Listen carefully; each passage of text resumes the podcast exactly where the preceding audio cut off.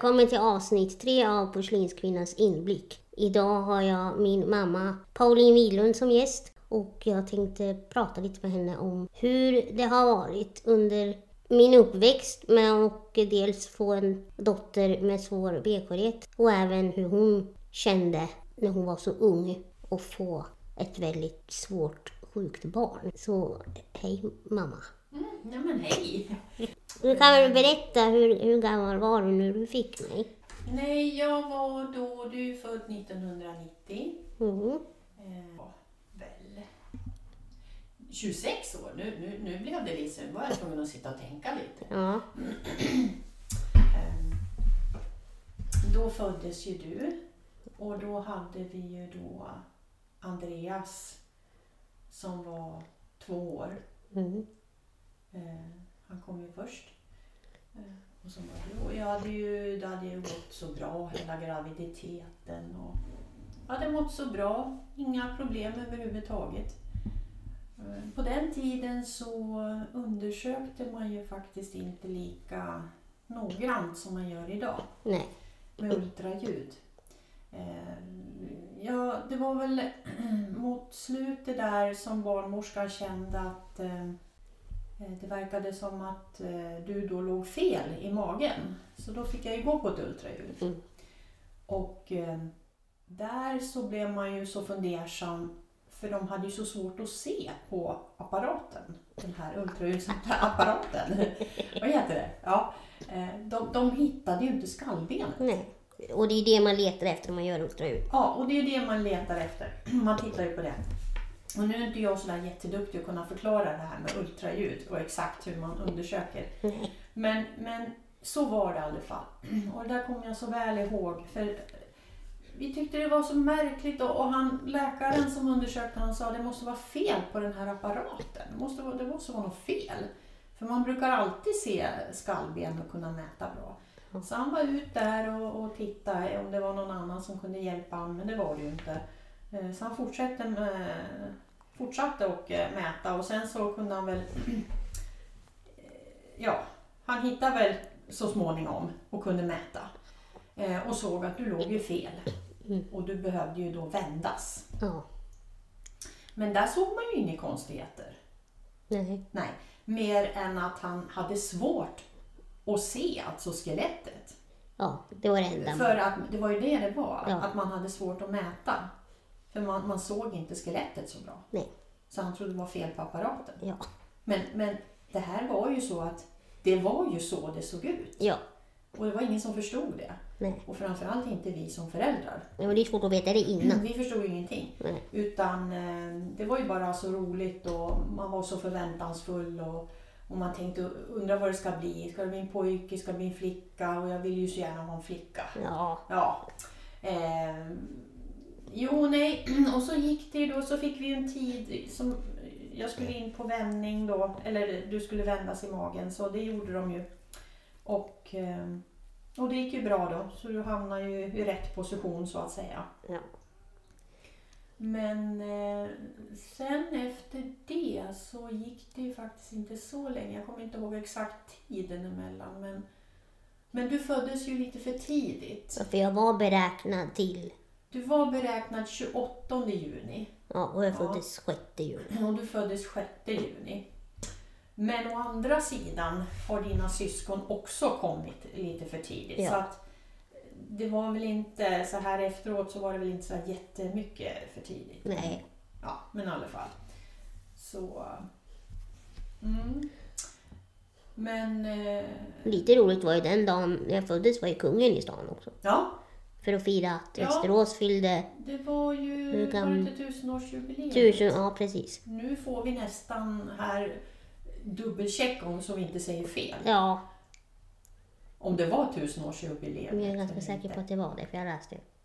Men han, han var här. Han var i alla fall i Västerås. Ja, både Silvia och kungen. Ja. Mm.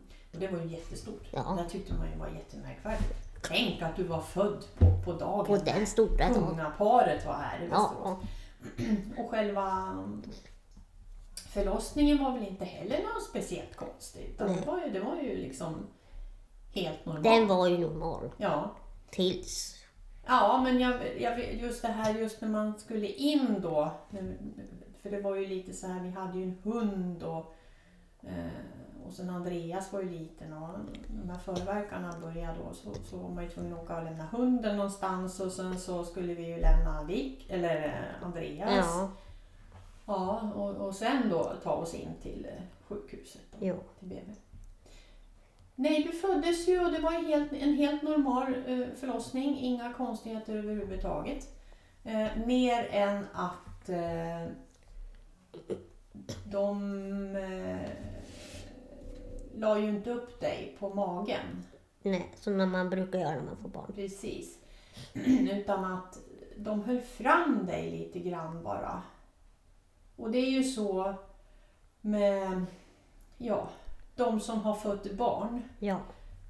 känner nog igen sig en hel del att när man ligger där och tror att man nästan ska dö av smärta eh, så är man lite omskakad Ja. efter en förlossning och man är liksom helt förstörd men samtidigt jättelycklig.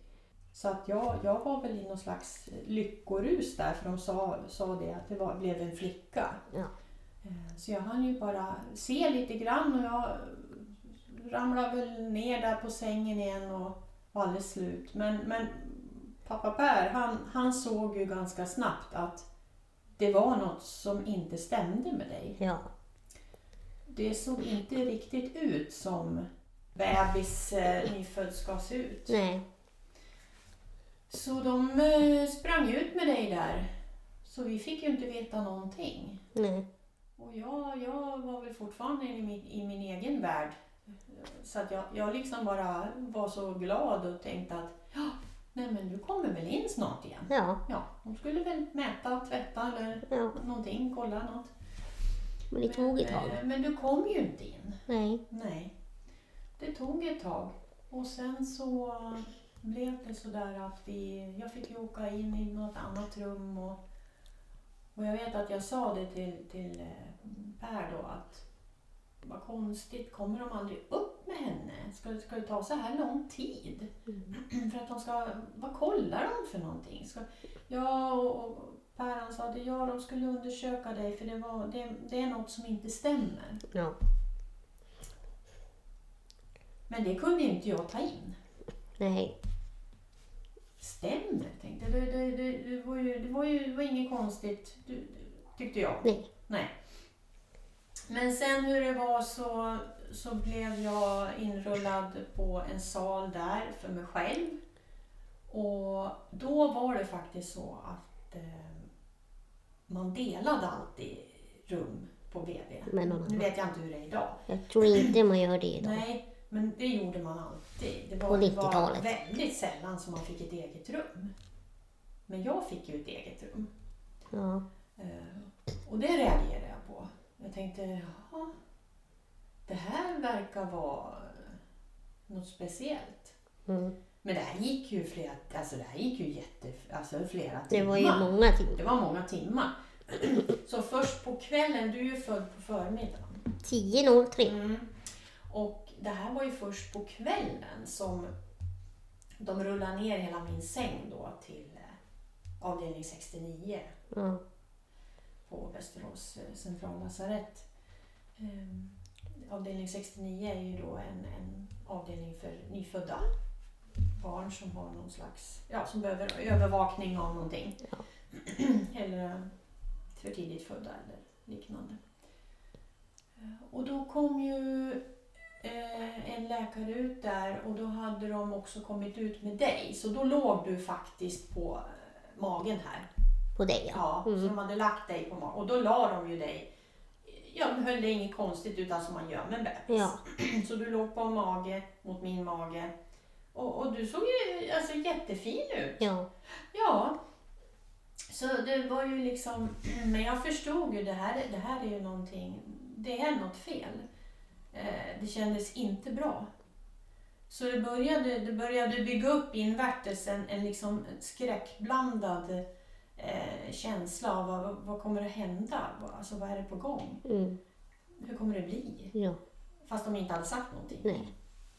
Sen sa han bara lugnt, den här läkaren, så att, eh, han sa det att det är så här, sa han, att eh, er dotter har en väldigt allvarlig sjukdom. Mm. Sjukdom, sa han då. Ja. Och eh, vi vet faktiskt inte riktigt än exakt vad det är. Nej. Men hon har väldigt mycket frakturer. Hon har så mycket frakturer så att vi har inte kunnat räkna dem. Då är det ju en hel del. Ja, det är en hel del. Och eh, alltså det där, det där när han sa det där, jag kommer ihåg det där, men samtidigt blev jag liksom som någon slags, eh, jag blev liksom förstenad. Jag hamnade i någon slags, eh, alltså det, det, det gick inte att ta in riktigt. För det här var ju min flicka, det här var min bebis. Ja. Så här skulle det inte vara. Nej. Nej men det hade ju gått bra allting. Och hur, kunde, hur kunde de säga så här?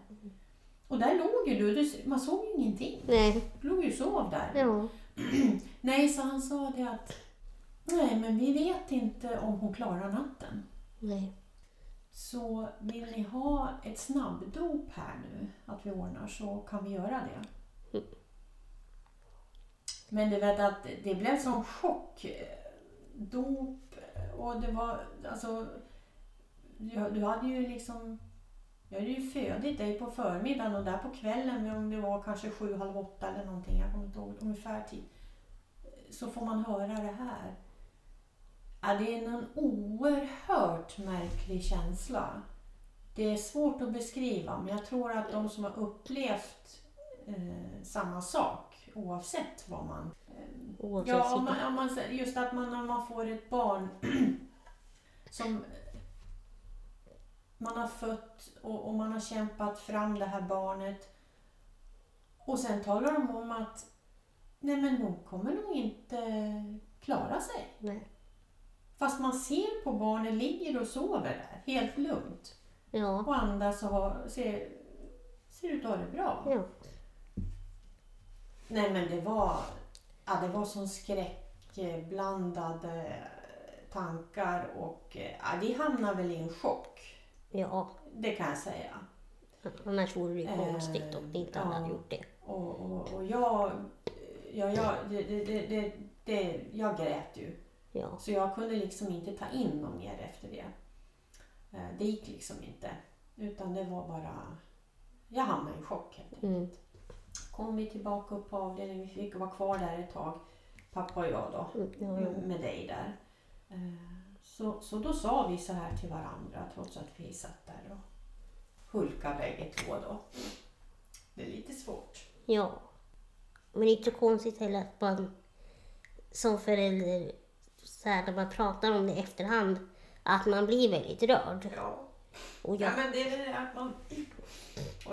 Eh, nu ska vi se om det går att prata. men jag, jag själv har ju svårt att förstå Ja, nej men det är det här att man, Det man, här. när man sitter och pratar så dras det ju upp. alla Fast det är tankar dras många upp. år sedan. Ja, Så kommer man ihåg att det är det, de där känslorna och de där tankarna, de ligger ju liksom paketerade här inne. de ligger kvar. I, de ligger ju kvar, men nu, nu ska ju de plockas fram här Ja, i din ja. intervju. Så att det, det kommer bli lite snörvel här, men jag hoppas att dina lyssnare kan, Jag tror de tar kan det. acceptera det Ja, bara vadå? ändå vad jag säger. Ja då.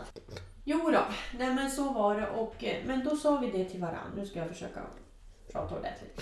Men då sa vi det till varandra Per och jag. Är det så då att du är så sjuk Mm. och mår så dåligt och har så ont och har så mycket frakturer så att du inte klarar dig. Då är det någon mening med det. Ja. Så att vi, vi, vi, vi, vi trodde inte du skulle klara den där natten. Nej. Men det gjorde ju du. Ja, det gjorde jag ju. Och det var ju de så förvånade över. Att du klarar ju natten. Ja. Trots att du hade så mycket frakturer överallt så att det gick inte att räkna dem. Nej. Det hade varit lite spännande efter att veta hur många jag hade. Ja, det är ingen som vet exakt. Eh, Säkert över men, men eh, det han sa sen, den här läkaren, det var ju att det var ju ett hundratal frakturer. Ja. Men det var ju det att du hade ju, skelettet är ju så mjukt också på en bebis så här och det var ju, på, du, du hade ju lårbenen där Eh, det var de ju tvungna och du hade ju en slags liksom vad ska man säga att det heter nu då? Förklara, hur det såg på, ut. På, på lår, det såg ut som en, liksom en byxa kan vi säga. Runt bäckenet. Runt bäckenet. Ja. Så, så du låg liksom med benen lite, lite, lite utfläkt så här. ja. Det är svårt att visa. Nu sitter hon med händerna utfläkta åt sidan. Ja, precis. Som handflatorna rätt ut. Mm, mm. Så det gjorde de ju då för att stabilisera bäckenet. Eh, och du, och det här, så här höll det ju på då. Ja. Det blev ett dygn i taget. Mm. Eh, men de, men de, de tänkte så här, det här eh, men nu dag två kommer du inte heller klara dig. För att det, nu sa de så här att nu fick vi ta liksom ett dygn i taget. ja. Men du skulle nog inte bli mer än några dagar. Nej. Och sen skulle du inte bli mer än en vecka. Nej. Sen skulle du nog inte bli mer än 14 dagar. Nej. För de ökar det De hela ökar tiden. på, men du skulle nog inte bli mer än en månad gammal. Sen drog de till, sen blev det liksom tre månader, sex månader. Alltså det var en beräkning då, Ja. när du klarar dygn efter dygn. Mm. Så där höll det på. Mm. Och, eh, och sen var det ju det här med, med amning och allt sånt där. Det, det är klart att det funkade ju absolut inte. Nej.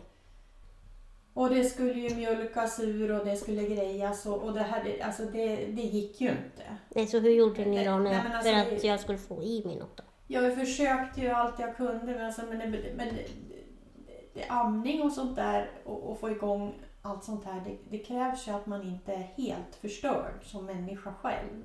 Ja. som mamma. Eh, Man vill så gärna att man får de där viktiga dropparna mjölk då men, nej, men det gick inte. Det, det, det funkar inte. Utan du fick det en sån här ersättning då. Och det var ju det att du fick ju det i droppform och sen så med en liten spruta bara så här. I mungipan. för de ville ju att du skulle lära dig och, och Suga. eh, Ja, precis.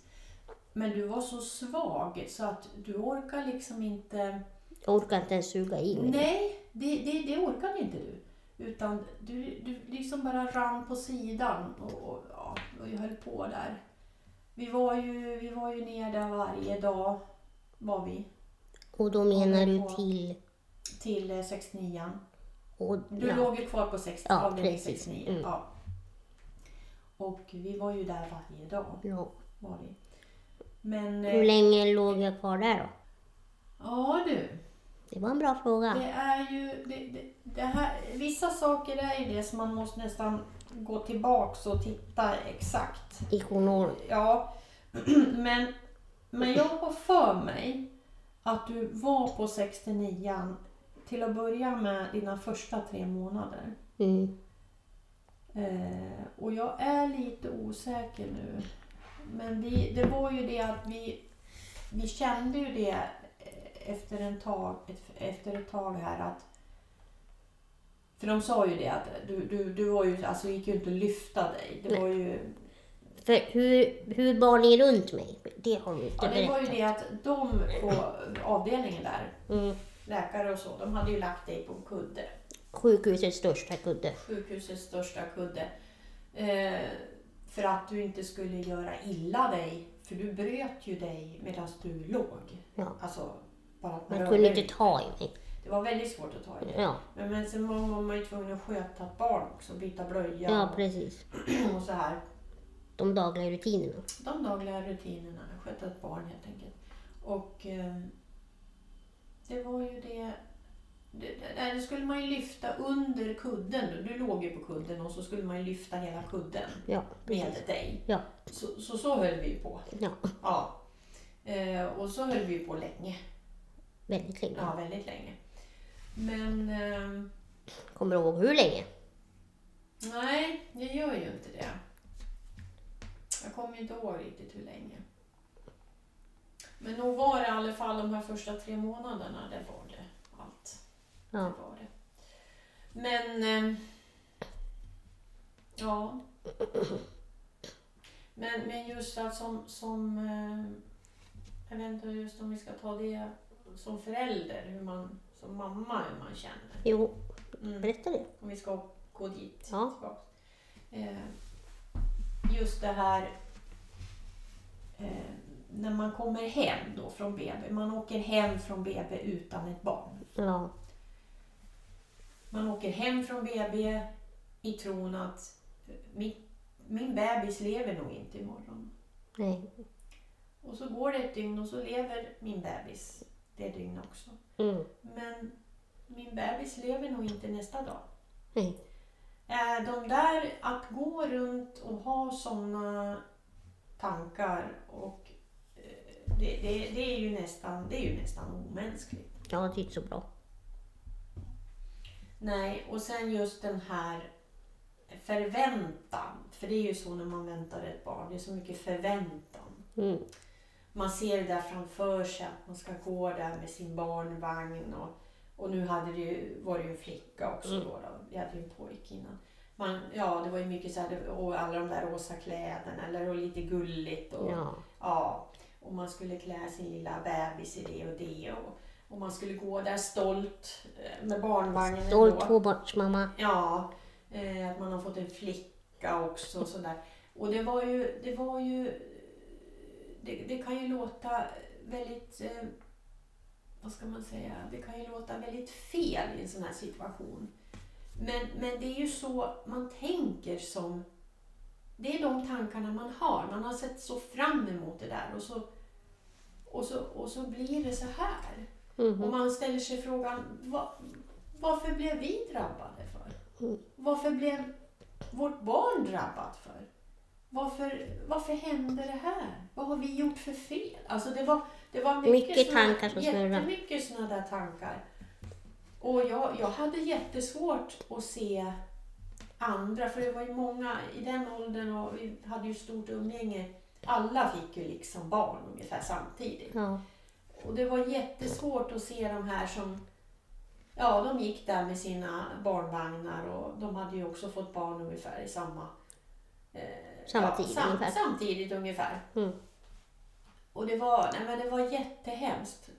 Och de gick där och, och jag tänkte det, det hade jag också kunnat gått. Och vi hade ju skaffat en fin vagn och mm, till det. Så. Men ehm, nej, det där, det där eh, är jättekonstigt att uppleva. Och just det här att, eh, alltså det gick ju inte att skratta. Jag förstod inte varför, hur andra människor kunde skratta och roligt. Det förstod inte jag. nej. Jag tänkte det, de, har, de skrattar de där. De har roligt. Ja, det hade jag svårt att förstå. Mm. För det, nej, men det, man, nej, men vi var ju, vi var väl väldigt, eh, båda två, nu ska jag bara prata för min del, men vi var ju fruktansvärt nere ett tag. Ja. Men vi hade ju Andreas. ja, och det var ju väldigt Och bra. jag, jag tror faktiskt det. Att ni hade han. vi, du kom inte först. Nej, utan du kom nummer två.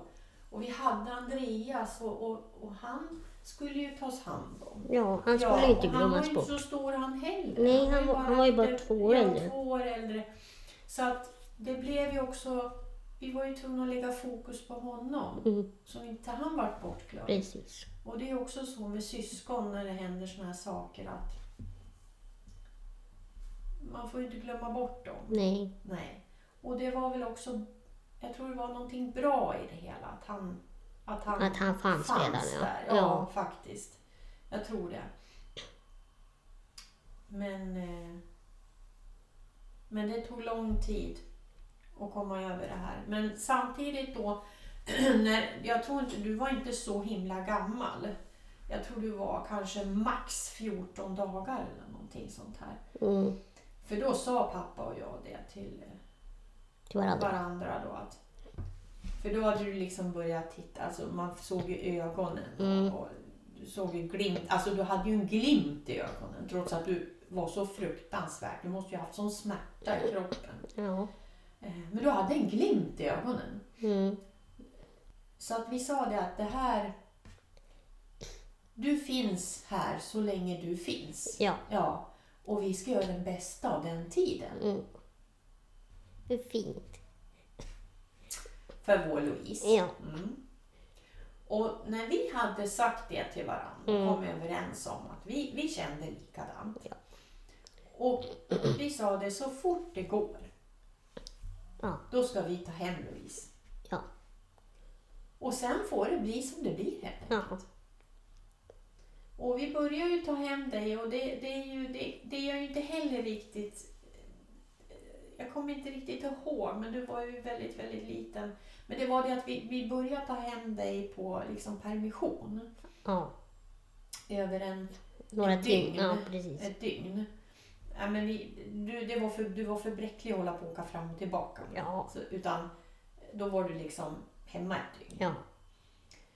Och vi märkte ju det, hur svårt det var att du kom hem. För du Mm. hade ju så väldigt ont. Du skrek ju jättemycket Ja. och hade ju jätteont. Och man visste ju inte hur man skulle. Vi var så försiktiga, så försiktiga. Och det var ju samma sak, den där kudden var ju med hem också. Mm. Som du låg på. Du låg alltid på den där. Ja, annars hade det gått att ta Mm. hand om mig. Och det svåra var ju att transportera dig Mm. mellan sjukhuset och hemmet. Mm. Ja, för vägen ut hit till landet är ju inte den bästa Nej. heller. Nej. Och då var det de här små bilbarnstolarna eller maxikosi eller när man fick låna. Mm. Så att eh, det var ju den du skulle ner i då. Mm. Ja, det var ju, ja, det var ju fruktansvärt. Men det, var, det var ju, inte- alltså jag, ja. Men du var ju också så himla liten så du nästan halv låg ju i den där. Du var ju, inte så, du var ju ganska liksom tunn. Ja, Mm. Så ja, det, var, det var svårt. Det var det. Verkligen. Men så där höll vi på. ganska länge. Ja. ehm, Men kommer du ihåg hur gammal jag var när ni fick veta vad jag hade för funktionshinder? Tills ni fick svart på vitt vad det var för något. mm, För de i Västerås visste ju inte alls mycket. nej. nej, men de, hade ju, de, de, de fick ju fram då efter första veckan att det här var någon form utav en väldigt svår benskörhet. Mm, Det, det hade de fått fram. det fick jag fram. Eh, men de var inte helt 100% säkra vilken form och om det var en dödlig utgång. Eller, eller vad som, hur, hur, det skulle, hur det skulle se ut i en uppväxt. Nej. Hur skulle, Hur skulle- framtidsutsikter och så. Exakt. Utan det de hade fått fram det var ju att den var extremt svår benskörhet och att det, att det oftast var dödlig utgång. Mm. Och i och med att du hade så otroligt mycket frakturer och sen fick du ju väldigt lätt infektioner också. Mm, Så hade de svårt att tro att du skulle orka med det, ja. klara av det. Men eh, det är det där, det, det där, minnena är lite suddiga men när det är exakt. Men när du var runt tre månader, då fick vi ju träffa chef på barnkliniken på habiliteringen. ja. Mm. Och det var ju, det var väl första gången som man fick liksom känna att här var det någon som visste faktiskt vad han pratade om. Ja, precis. Mm. Lars Norén, Så hette Lars han, Norén. just det. underbar läkare. Mm. Ja, han var ju barnläkare och sen var han, eh, jag tror han var ansvarig för habiliteringens ja, barnavdelning. Om man säger Ja, så. Mm. typ chef. Ja, jag tror det. Och han var lugn och fin och han, han förklarade för oss att du hade det här som heter osteonetis, osteonesis, Osteogenesis imperfecta. osteonesis imperfecta. Typ 3. Jag har väl alltid sagt fel i alla år. eh, I de flesta fall, hade han sa så en del barn klarar inte förlossningen. Nej. Men eh, många gör det och de eh, växer upp och, och har ett ganska gott liv, sa han. Mm. Men att de eh, har det ju kämpigt. Ja. Och sen berättade han då, och sen kom det här, så tog han ju fram en broschyr. Mhm. Ja. Och det är konstigt där, fast man har hört då och berättas om det här och tar in det i huvudet så här, så blir det ändå så här som, som, som det, liksom, det fastnar inte riktigt. Nej. Nej. Men då så tog jag fram den där broschyren och la fram den till mig. Och så visade han vuxna då, hur du skulle bli när du blev stor. Mm. Eller när du blev vuxen. Ja. Stor var ju fel. Men när du blev vuxen. Och då fick jag jättechock.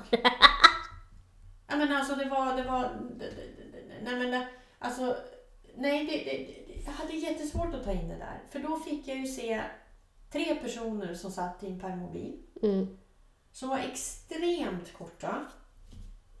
Och som var väldigt, eh, alltså de hade ju så mycket felställningar i kroppen. Alltså armar och ben och Ja, ko- skolios och... och ansiktet och alltihopa. Så det var, ja, ja, ja jag fick inte. Du fick en smärrechock. Ja, trots att jag hade då Fått höra. visste det, att man blir kortväxt. Eh, det är felställningar i kroppen. Jag visste ju det. Mm. Men när de la fram den där bilden, då blev det... Det blir, det blir ju något annat man ser. Ja, det blir liksom extra tydligt. Ja. Och det var, det var ändå liksom, trots att det hade gått om några månader så var det väl det att jag hade svårt att acceptera. Nej, inte min dotter. Nej. I alla fall fast vi liksom, Visste om det. ja. Så det, det, här, det här är någonting jag inte kan förklara riktigt. Men, men det var på, på, nu kan jag säga så här efteråt, det var ju bra att han visade den bilden. Ja. För jag, för jag behövde nog ha det. Och, och förstå att så här, så här är det. Ja. Så här kommer det vara. Så här kommer det se ut. Så att, eh, men, men det var jätteskönt att komma dit till habiliteringen i alla fall. Så att eh, genom åren sen så hade vi mycket hjälp. Ja. God hjälp utav dem. Mm. Och jag tycker nog också att alla barnläkare på barnkliniken på Har ju varit- centrallasarett i Västerås Har ju varit bra. Jättebra. Och alla sköterskor, undersköterskor, alla som var runt dig. Ja. Helt fantastiska människor. Mm. Mm.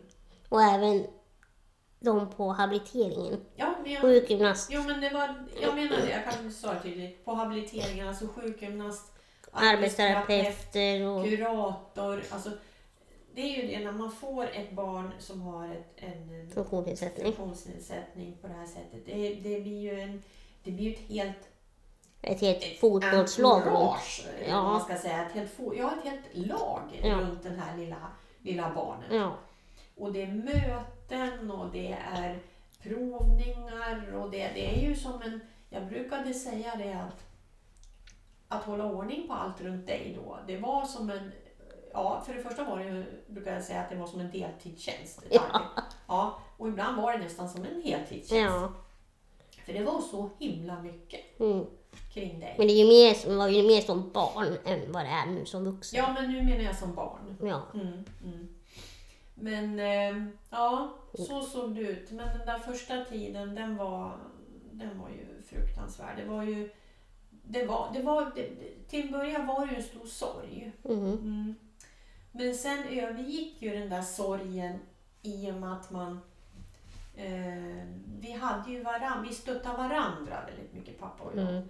Ehm, och sen hade vi ju Andreas och sen såg vi det här att du hade något, det fanns något i dina ögon där. Mm. Någon slags styrka. Envishet. Så vi, ja. Och eh, vi gjorde en annan sak faktiskt som jag tror att många som drabbas av svåra saker kanske, ja kanske man inte orkar själv ibland men, men vi, vi gjorde faktiskt så här att när det här hade hänt, eh, jag tror det var bara ja, fyra, fem dagar efter att du föddes. Mm. Då ringde jag runt till alla vi kände Mm. och talade om det att så här är det. Mm. Så här ligger det till. Och vi vill jättegärna att ni kommer hem till oss Ja. sen när vi orkar. Mm. Vi vill ha besök. Vi vill, vi vill jättegärna att prata med prata om det här. Mm. Så att den sommaren kan jag säga, vi hade så mycket besök. Alltså det var, ja, det var folk hemma igen. Och det, det, det vi gjorde den sommaren, det var att prata om dig. Ja. Och prata om hur det hade gått till och vad det hände och vad som hände där när vi kom ner där och vad, Ja, precis, precis liksom nästan...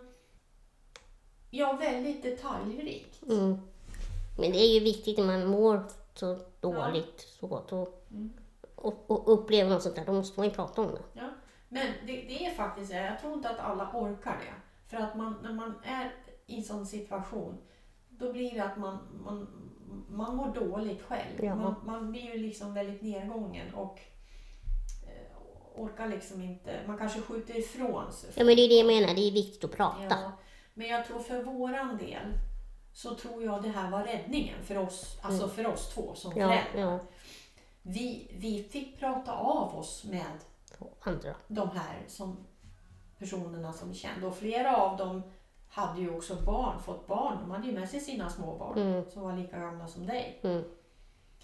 Men det var, nej den sommaren var väldigt speciell på många sätt och vis. Var det verkligen. Men det, jag vet inte, jag tror det var vårt sätt att bearbeta det där. Mm. Jag tror det. Hur reagerade vännerna när de fick se mig då, träffa mig? Ja, de tyckte ju, de så, ja många blev ju jätteledsna. Mm. Många blev ju chockade. Mm. För hur man än har förklarat det här så, så blir det ju en chock. Allt blir verkligt när man ser det själv. Ja, du hade ju sond, du Mm. sondmatades ju. Orkade ju inte äta själv. Du, Nej. du, du orkar liksom inte. Tugga. Ja, och dina händer och armar de var ju liksom slappa hela tiden. Du Mm. orkar ju inte hålla upp huvudet själv. Och, Nej. Nej. Jag kan ju säga att mina smalben var ju krummade Mm. som banan ungefär. Ja. Och högerarmen var ju, hade ju 90 graders kurvering. Hade Så de var ju inte, varken smalbenen eller högerarmen var ju raka. Det var ju det, även som bebisar, de brukar ju efter en tid börja på att röra på sig. Ja, det gjorde jag absolut inte jag. Nej, det gjorde ju inte du. Utan de brukar ju liksom röra på och sparka med benen och Ja, ja. liksom så här. Men det, det gjorde inte du. Nej, det gick ju inte Utan du var ju liksom som förlamad. Du, det är att du hade ju inga muskler i kroppen Nej. överhuvudtaget. Och skelettet var ju så skört så att det var ju därför också du inte kunde röra dig. För Nej. du hade ju ständigt frakturer i kroppen. Ja, I ständigt alltså. ja, dygnet runt. Ja, dygnet runt. Och du, var ju, du hade ju väldigt ont, du skrek ju jättemycket. Eh, och sen var det det att du svettades något kopiöst. Fast du var så liten. Ja, Du var ju liksom blöt i, pannan och... eh, Nu överdriver inte jag, men kläderna, de var alltså våta. Vad äckligt. Det var precis som du, du, du, hade fått en regnskur på dig. Ja, Det var din kropp gick liksom på högvarv. men den bearbetar ju för läka hela tiden. Ja, de gick på högvarv. Så att man var ju försökt eh, byta på det och ha dig så sval som möjligt. Mm. Så det var ju många som reagerade ibland att du var så tunt klädd. Ehm, Så det där var ju, det var lite svårt. Ja, då tänkte jag så här att vi stoppar för idag och sen kommer jag att eh, göra del två nästa vecka där vi fortsätter att prata om hur du upplevde det. Så får ni ha det så bra så hörs vi nästa vecka. Hej svejs! Hej då!